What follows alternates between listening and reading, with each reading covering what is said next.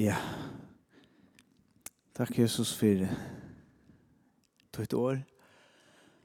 Takk for de som er fra undan. Takk for at vi har sånne ikke fire dømer. Vi har sånne ikke finnes sånne ikke en visdom. Flottan, jøkken tøyene og vi har fria ekong til det hele. Hjelp okken. Um, to som virkar i okkon til at gjere ta gåa Heila ante to som er bor i okkon hjelp okkon at leva etter to som vi lesa og som vi høyra hjelp okkon at gjere okkon vår. at leva et ivigiv kristen liv som ikkje snur seg om okkar sjálvi, om okkar egna og om ja, egna vinning og om at lytta oss sjálv opp, men som snur seg om at lytta te opp, men att lytta oss opp, at vise dem og hver du erst, og hver du er gjørst, Jesus. Takk for alt. Amen. Um, det er faktisk en reale stor avbjøring. Jeg kan ikke gjøre noen jeg så brev. Du er at her er så uendelig enn jeg godt. Helt og møter henne godt. Og um, en annen trobeleidje er, jeg vet ikke om det er en trobeleidje, det er nok bare godt, en, en øyla god trobeleidje, det er at du er avbjøver en, jeg vet ikke hvordan skal, uh, du er så øyla kraftigan i avbjøver. Tui at dette er så radikalt, og så henne, nei, ikke henne, jeg sjolver. Hvis jeg kører det her på, no, her kom det ikke. Ja, nu var det här. Så jag skriver i beskriften här. «Vuggångt av kristna lusförslan. Tog jag att jag läser det her, så kännes det som heter øylige vuggångt, Och på en positiv måte. Etter øylige avbjørende, og, og for en uh, vestlending som har livet et øyelig beheilet liv, og nå snakker jeg om meg selv, Livet et øyelig beheilet liv, jeg har det godt, Ehm jag har det öliga tryckt och Angel ligger med etter løyven noen, og de fleste i mine løyve er tryggvante.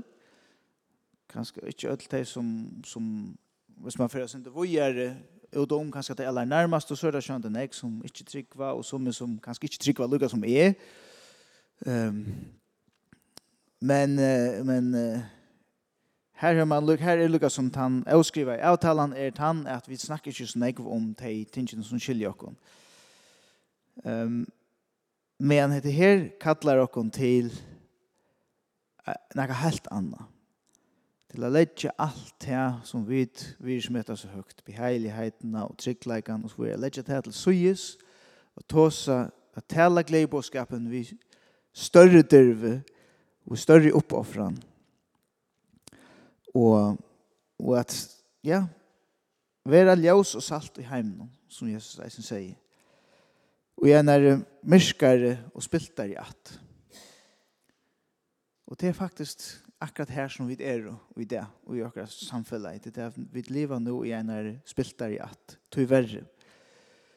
Og alt det som Vesterheimren har vunnet og gjør noen tusen år er vi til for fer vi har kastet ut gjennom det.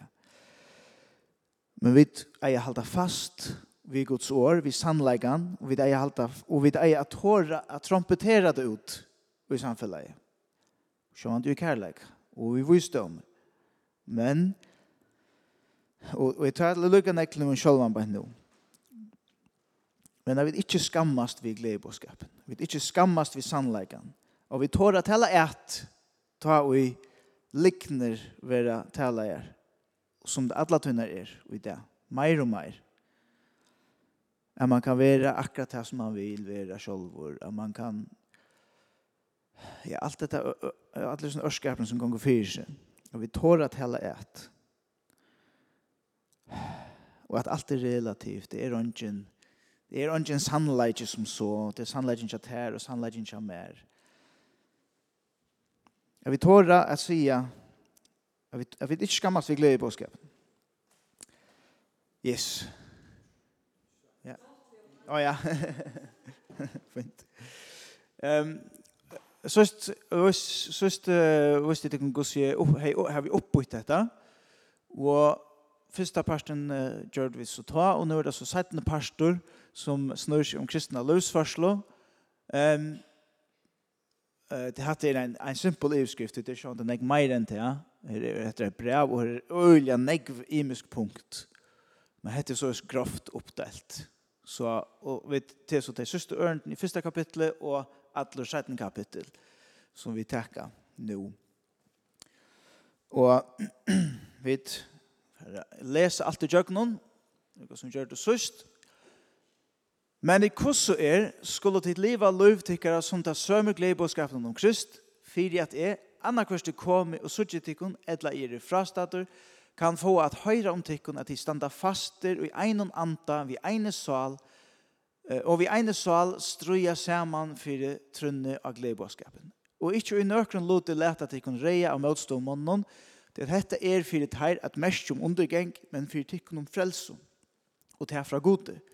Det at han nøye tikkun djeven fyrir kristskuld, ikkje best at trikva han, men eisen at loja fyrir hans skuld. Vi tar at tid hava samme strøye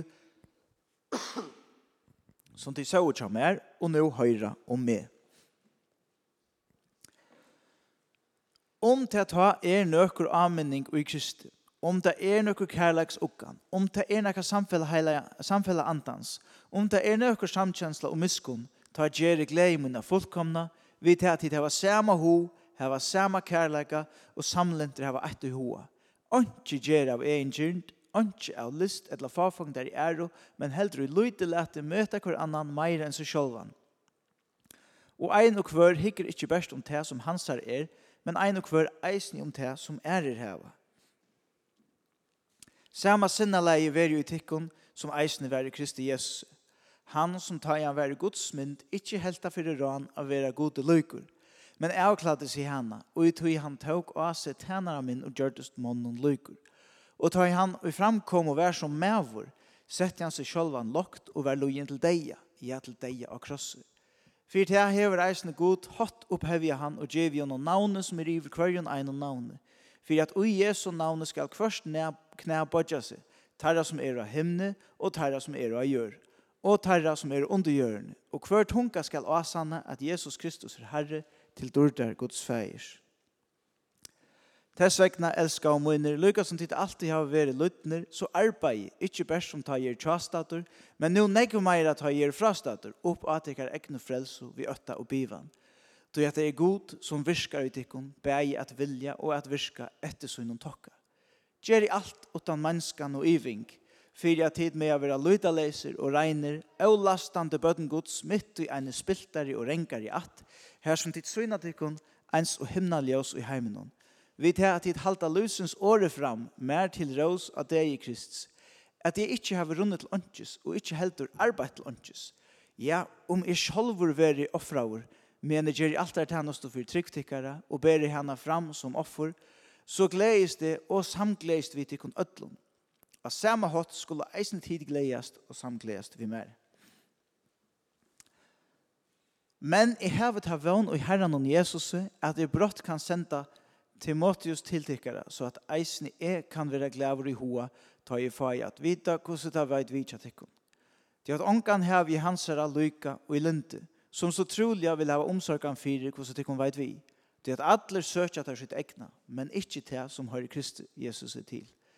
Men hans har rønta troskap vidda dit om, at han er tjener for gledebåskapen og sammen vi mer, eins og baden tjener færsvinnen. Han vågner jeg å få sendt, lykke kjøtt som er suttje, hva til urslid det verre kommer. Men jeg har til alit av herren at jeg eisne sjølver skal komme kjøtt. Men i helt av det nøyot er sendt til tikkere Ep Afrodittus, Brauermoen og Stavsfellava og Strussfellava. Men sendte man tikkere og ørendreka til å veita mer hjelp i trångtmoene. Jeg av tog at hun har langtist etter tikkun ødlun, og han hei negve årek og aser, tog at tid høyde hørt at han hever sjukur. Til at han var reilige sjukur, kommet til deia. Men god muskunna i honom, og ikkje best honom, men eisne mer, for at jeg ikkje skulle, eh, jeg ikkje skulle hava sorg og man har sorg. Tog sendte jeg han så mykje sjåtare, for at hit kunne være gleir atur, ta til få av suttja han, og jeg kan være meira ekkaleser. Tætje ta og møte honom i herranon vi atler glede, og heve slykar menn og æro.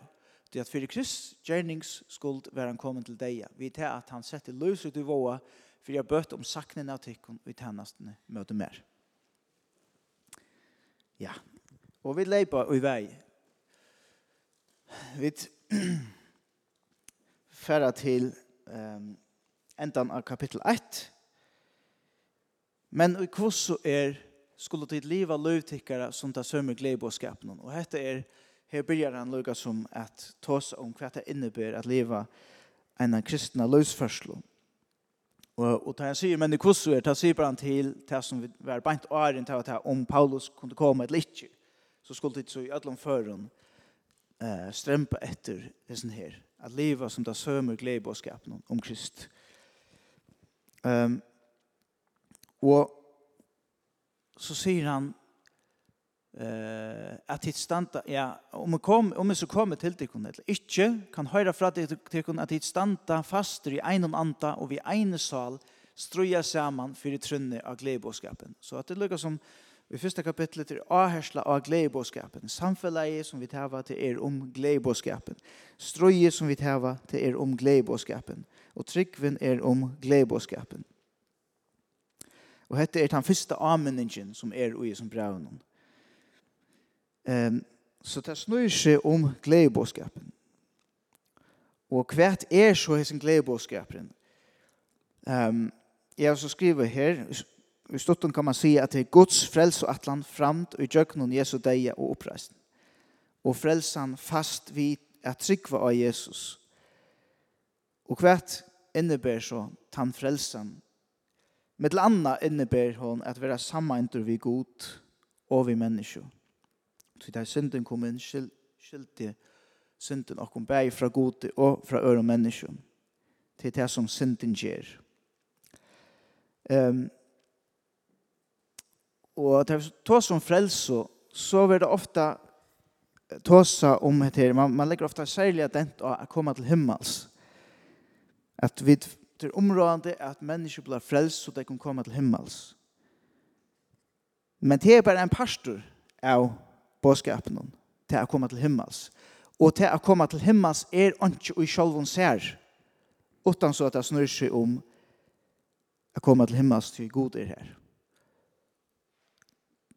Og tog er det himmel, og himmelen er himmelen til god er her. Uh, til funnet, det er ikke det, det er ikke skreft å si at vi blir frelst, så vi kunne komme til himmels. Det er bare områdende at ikke glemme at dette snur seg, at det kommer til himmels, snur seg om personen. Uh, Det har alltid jag sin nämnt och syst. Um, brukar vi det til som är slåkan. Jag blir frälster så vi kunde komma till hemma. Så istället vi brukar som är slåkan så kan man kött glömma personen som vi blir frälst till. Um, men det här är til att vi är frälster är inte bara något som händer. Bom! Det är något som händer avhållande. Avhållande. Jo, vi blir frälst, ta.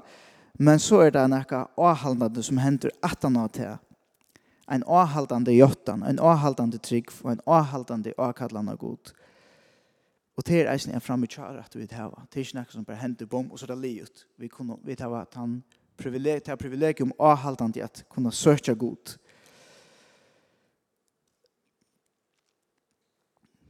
Så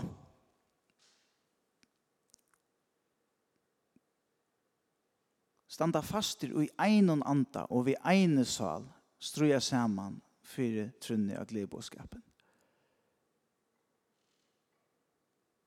Ja. Må ta eisen vera galtande fyrir okkon og i hessar samkommen. Jeg vet det var ein anda og vi einare sal struja fyrir glede. Og ikkje nøkron lot til lett at ikon reia og møtstå om ånden, til at dette er fyrt her et mest om undergeng, men fyrt ikon om frelse og til fra gode. Tui at Um, och här huxar jag att vi såg ofta nior och på att här motgång som vi upplever här i i Västerheimnarna. Inte lätt att reja av motstånden. Um, men i hörde en för bror Jon, rock vi de flesta dygn har hörst om han, bror Jon, den himmelske mävren som han vill kalla vår. Han måtte flytta ur Kina um, tog jag att han var förfyllt ur väckna sådana trygg. Och han kom så till Västerheimen Og han sier til at han får fylkingen som var i Vesterheim opplevde han som faktisk negg verre enn han får fylkingen som var i Kina. Og til jeg var sånn løye til at i Kina er det jo vi herskap jo, man vil fangslaver og drypen og alt det der. Men i Vesterheim sier han at det var en helt, helt annet slett, det var utspilling og det var utefrysting og ligner og sånne som, som han opp, faktisk opplevde som verre.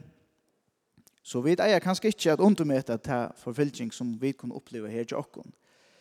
Og vi er eisen så innrett at vi vil være en pastor av som samfunnet. Vi kjenner noe som er vi, vi, vi, vi kunne identifisere oss med dette samfunnet. Det er så mye nekve av til kristne arven og etter og ut og Og vi vil være en pastor av, av helten eller så. Og vi er kanskje bensjen for å være åttan om vi færre at tala sannleikan vi dyrve. Men hetta eier vi ikkje over bensje for. Vi eier, som Paulus sier, ikkje a leta okkur reia av møtståmånen. Så hetta er fyrir teir at mest om undergeng, men fyrir tikkun om frelse og teir fra god. Så ta i teir vise så møtstående, så vise det bare hva hjärsta teir er. Men fyrir tikkun er det mest om frelse og teir fra god. Og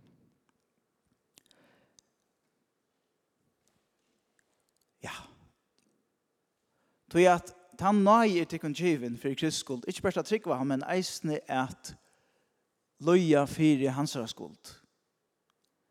Det er faktisk en nøy at loja fyrir hans skuld. Det er, det, er, det er faktisk nekka godt. Og her kommer vi så her kommer vi så lesa tja i Jakobs braun kapittel 1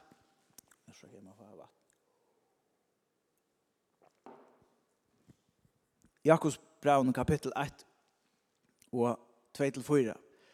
Haltet av brøv og møyner for bæra glede ta i ditt vera stater og hjem som frestingum. Vi tar tid vita at rønslan av tryggvetikkara virkar tålmå.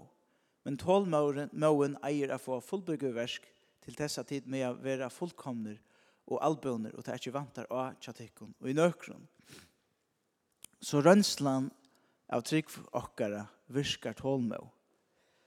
Så tar vi oppleva motgång så er det här mövlaget till att kunna växa. Jag vet inte lätt att säga här uppe fram, men i halte det er så. Så vi der ikke er denne undan tog.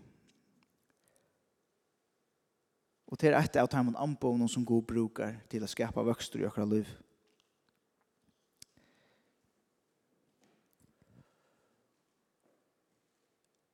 Om det er nokre avmenning i Kristi, om det er noen kærleiksuggan, om det er noen samfella andans, om det er nokre samkjensla og miskunn, ta gjerri glede mine fullkomna. Vi tar at det hava sama ho, hava sama kærleika og samlymter, hava eitt i hoa, onki gjerra av ein gjernd, onki av lyst etter farfungdar i æro, men heldur og lydelete møta hver annan meira enn seg sjolvan.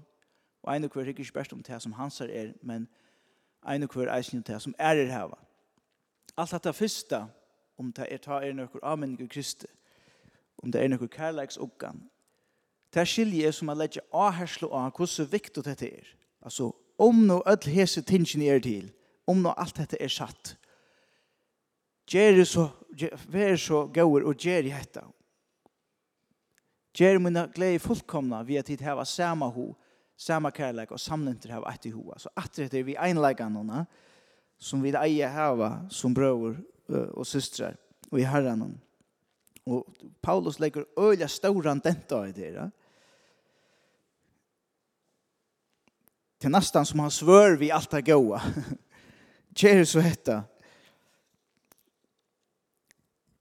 Um, her var samma ho, sama kærleika, samlendur, etter hoa, og at ikkje att bara hoksa om det kun sjolve, Ikke bare gjør det av egen gynt.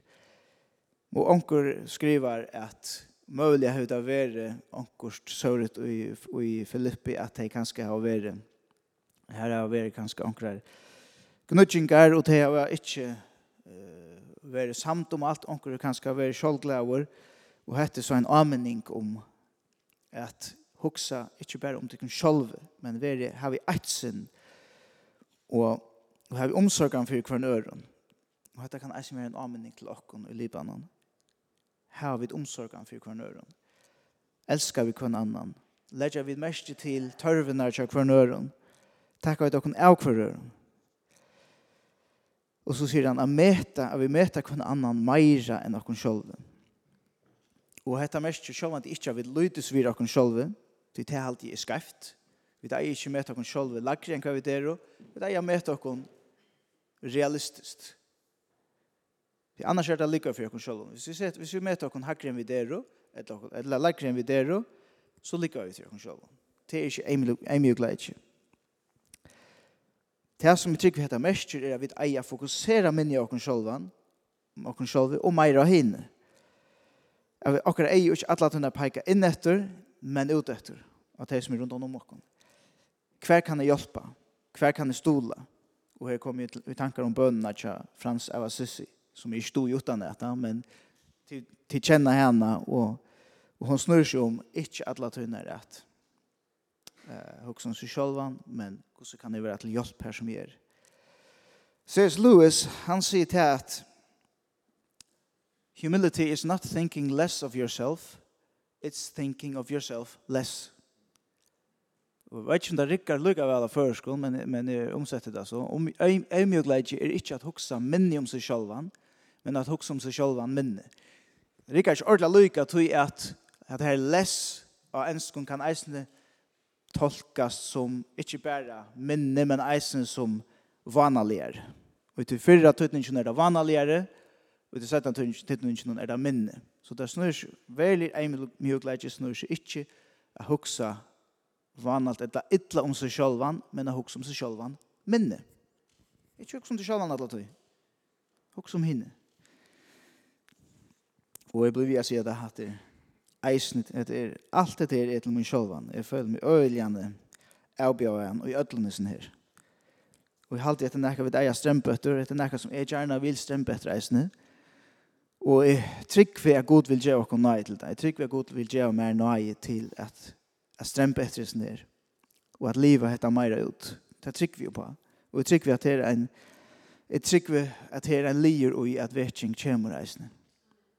Ja. Jeg vet jeg vet få en, en, en strempan, en, en langsål etter at livet ødeles tingen ut, som standa og i disse bøtjene som vi trykker på. Ja, vi er det. Og så her tåsar han om eh, Kristus og at vi skulle ha samme sinnala som er i honom og han er jo det største det primære eksempelet på eimjukleika og kristna livsførselen. Og sjån det et omøvlet mål at leva så er som Kristus levde men jeg halte til en av et eier strømpe etter. Um, og her er øyla det er øyelig stersk vers som kommer nå om hver Kristus vær. Og dette har vi sagt av være et til tøtninger mest av brottet og i Nødja testamentet om hver Kristus vær. Om, og det kallar man for kristologi.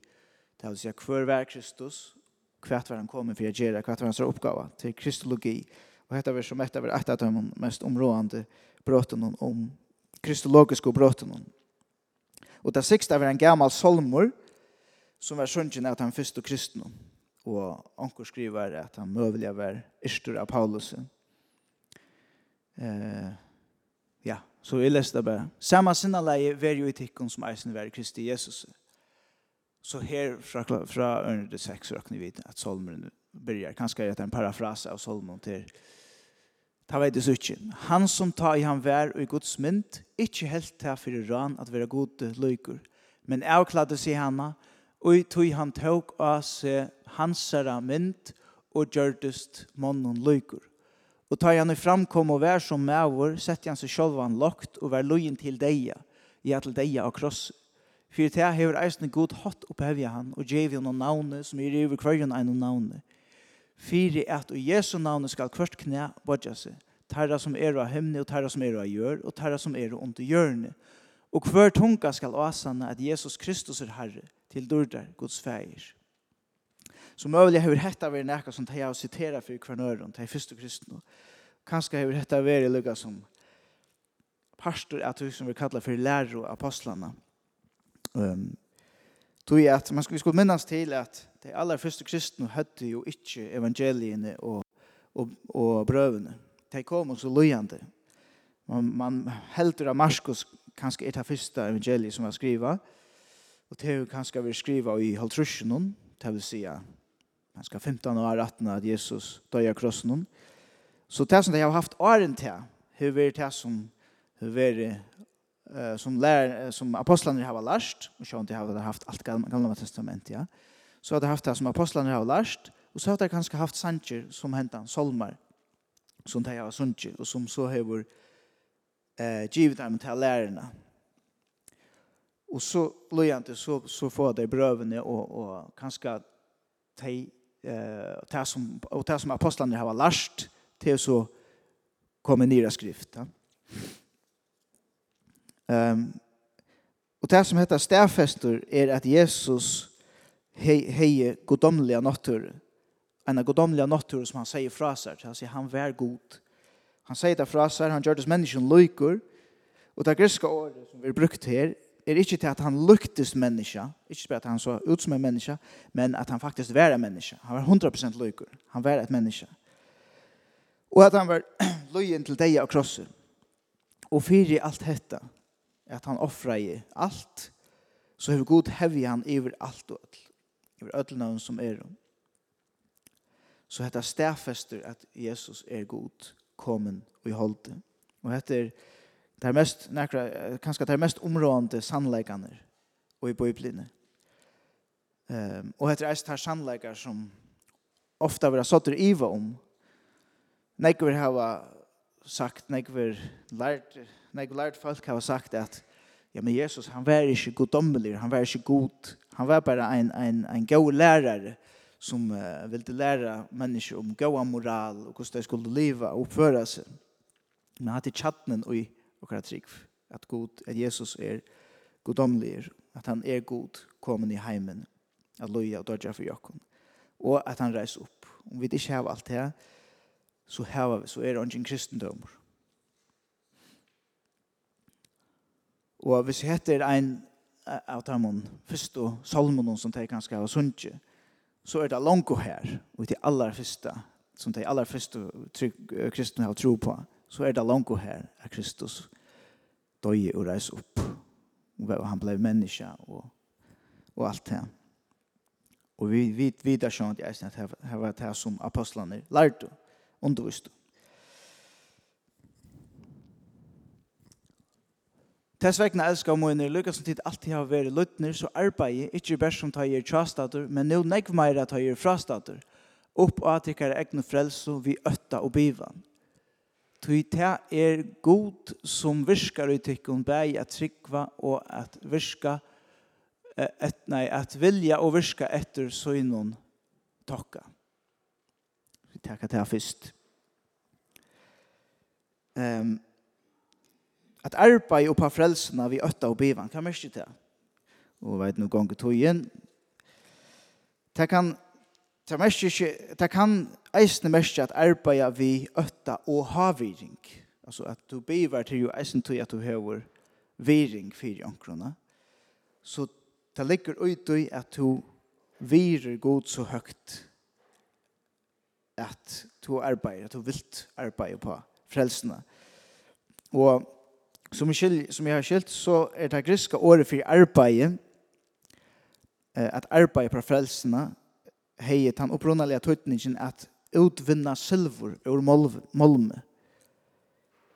Og det er en øyla positivt. Det er en øyla positiv løying. Det mest ikke til at vi skulle arbeide så vi blir frelst. Det er vi langt, men vi skulle arbeide på det som vi langt har finnet.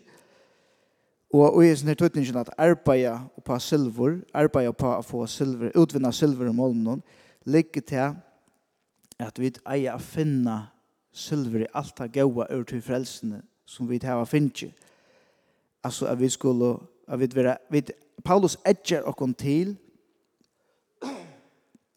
att granska att ransaka dessa frälsna vi där finns att uppleva henne alla som hon är inte att vara nöjt bara vi blir frälst på som vi ofta har sagt att kom in om perleporster och that's it fär långt in kan något vad är här Hva innebär det att vara frälst? Hva innebär det att vara Guds baden? Hva innebär det att ha våra samleika och i gode och så vidare, så vidare. Akkurat som å fære inn i en sylvmin, eller godlmin, og at brauta målmen, og at utfinna alt godle, og gymstendene og sylveren. Det halte er, er en fantastisk og gau edjan. Og det, det finner vi det har vi at granske Guds år, vi at søke han i bøen, vi at tåsa saman, bruka samfunnet, bruka kvann annan faktisk. Og det halte er fantastisk i senast når jeg kunne där möter Leo så får man så får man så dräcka någon samman och så tar samman samman och öliga ofta andra om det som hur vi talar om och det är alltid fantastiskt. Ordentligt ordentligt gott. Det är ju må hålla av av vi. Ehm Och så under 13 tog at det er god som virkar og tykkun bæg at vilja og virka etter søgnum tokka. Og jeg alltid heter det fantastisk trøst. Jeg har ofte hukst om dette ørende. Ganske særlig at man følt at man ikke strekker til, så, så har vi vært mynt røy til det, men til god som virker ut der. Og eisene som han sier i første kapitlet, at han skal fullføre det verset som han begynner å røy okken. Så lønge som vet, vi er verand i gode, så lønge som vet, og hver hjertet i vent med det gode, så virker han og i okken han, han, og han skal fullføre det verset som han börjar i Jakob.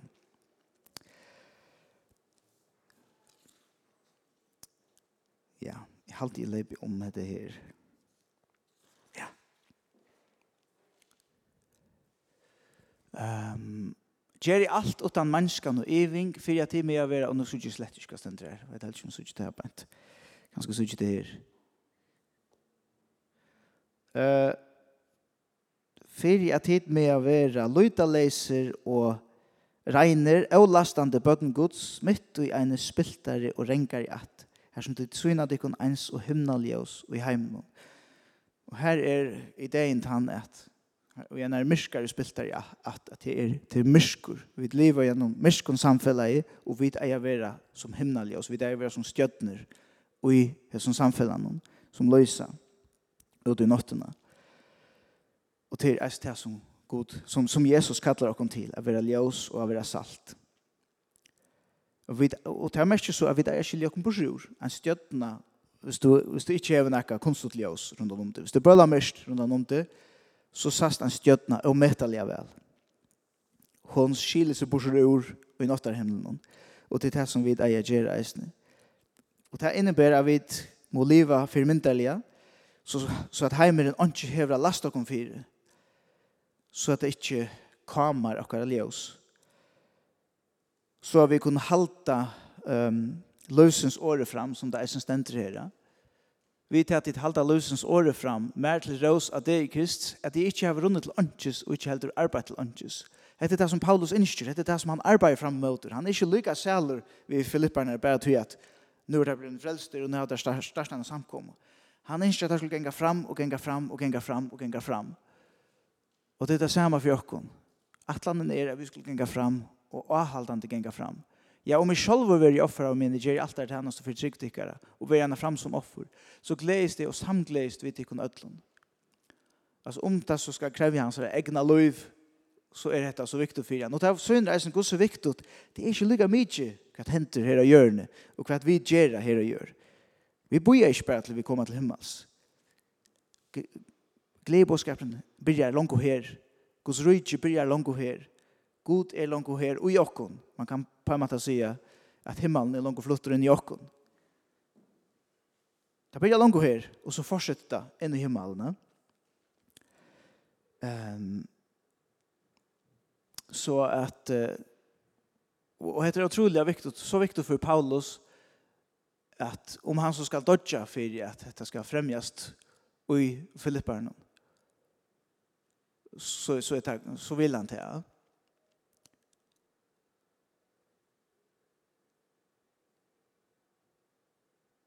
Men jeg gjør alt det han som fortrykt tycker og ber henne fram som offer. Så gledes det og samgledes vi tykkene ødlån. Og samme hatt skulle eisen tid gledes og samgledes vi mer. Så det er, det er faktisk en glede. Jeg kunne, som jeg sier, jeg sier Jan Jesen, jeg kunne vekse og i trunne. Jeg være avbjøver på hendene maten. Um, ja. Så vi håper at dette kan bli lykka områdende for jokken. At vi vekser, og vi mennast. At vi mer og mer finner til hva det innebærer at livet er kristi liv, hva det innebærer at fylltja Jesus, fylgjast vi Jesus. At det er ikke bare noe som henter, og så trykker vi tog og ikke mer. Det innebærer at vi vekser og mennast som bøden gods. Og haltande. Så gå og god, let det hente i økken. Let det virkelig være noe som, som brenner i økken. Let det være noe som, som vid, at vi er øyen i økken trygg. At vi er øyen i at søkja til, og lære om til, og at mennast. At vi kunne være som bøten som søker opp til akkurat foreldre, og herme etter dem, leva og tosa som teg, og gjera som teg, og vi herm etter teg, og tosa som teg, og gjera som teg, Jesus. Hjelp okken, veljan i a gjera teg. Lät dette vara så störst og områdande för Jakob som det var för, för Paulus. Eisen. Tack Jesus. Det sista, det sista bråtene, og jeg halte at alltid att jag bare bara jeg halte har alltid bare skippa til. Vi kan lykka, og jeg skippa jeg snitt om kalvinismo. Um, kalvinismo, jeg kan bare lykka nevne at, at, at kalvinister brukar ørende 13, til at det er god som virkar og tikkum bæg at vilja og at virka etter tokka søgnon. Kalvinister brukar det her som er dømi om at det er god som gjør alt suverent og jokken, utan, vi kunne ikke gjøre oss selv, til at her sier vi det er fullkomlig deg, og kunne ikke respondere på Guds kallan utan att han ger det i okkona. Det råkner ikke vi at de fleste henne inn i her trygg. Jeg trygg det ikke til jeg trygg vi god og gir okkona en frian vilja.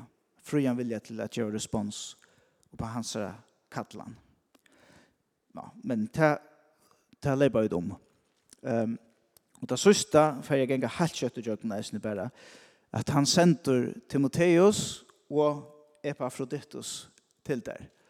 Og Timoteus var en av at han tryggvaste samtaler noen tja Paulus, og han sender hesa boar, tog at heser er og firmyndalir, tar er avlytande, tar er, hava, er rønter i trunne, og tar er av sunt seg være avlytande. Sterskan karakter. Og sender at Epaphroditus langtist etter tikkun ötlun, og at han hei nekva årekva var seg til at hit høyt og hørst at han hei veri sjukur. Og Og man vet ikke ordentlig hva for sjuk han har haft, men Paulus sier så til endans at uh, Guds, til at fyrir krist stjerningsskuld var han kommet til deia, vidt at han sette løvsutt og i våa, fyrir jeg bøte om saknen av tykkun og i tennastene og møte mer. Det vil sige at et eller annet er hent, han har sett sitt løv og i våa, ankersveikene og i tennastene fyrir krist, og det er så, han har så velja hjelpt Paulus' han vil sende fra Filipperne og hjelpe Paulus. Og her er så akkurat hent. Jeg vet ikke, han kan, kan ha finnet skeia, for at han var boa gleibåskapen, eller han kan ha et eller annet. Akkurat kan være hent alene som gjør det at han ble deilig av sjukker.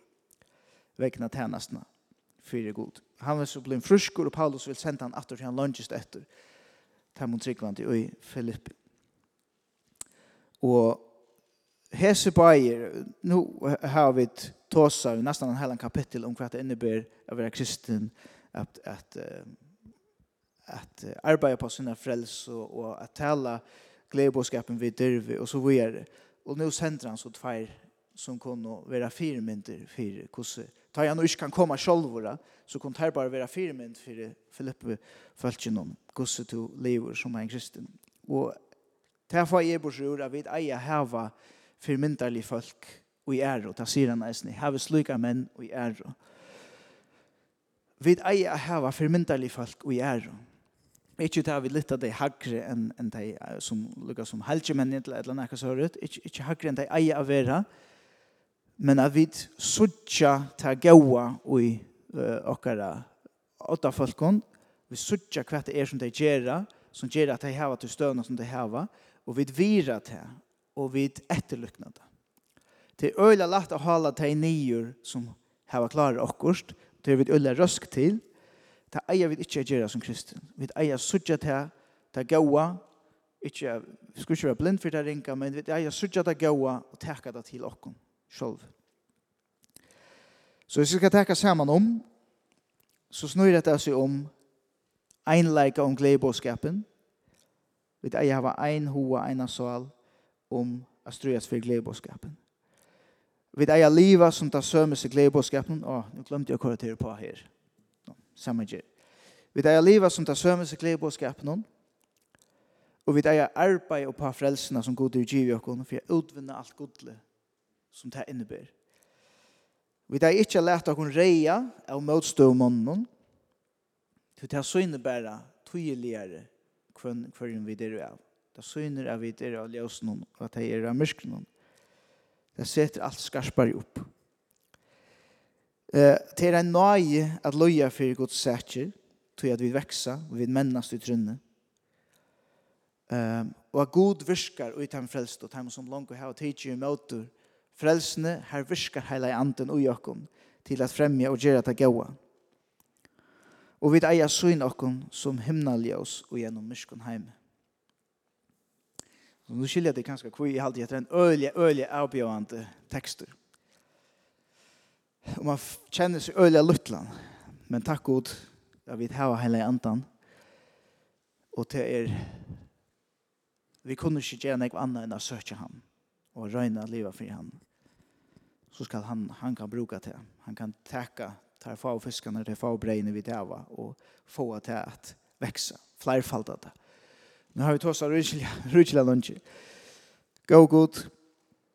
Takk for ditt år. Takk han den framökjare rett vi hava. Jeg kunne lese ditt år. Jeg kunne lære om det. Jeg kunne lære hva det enda bedre en sikvante. Jesus hjelp oss å være eimjug. Hjelp oss å være løydelaten. Og hukse om ånder først og fremst. Jeg vil kunne være som alle disse firmyndene vi hava. Paulus og Timotheus og Epaphroditus og Frans av Assisi, Mor Teresa og alle så forskjellige oppe i kjøkken søvnene.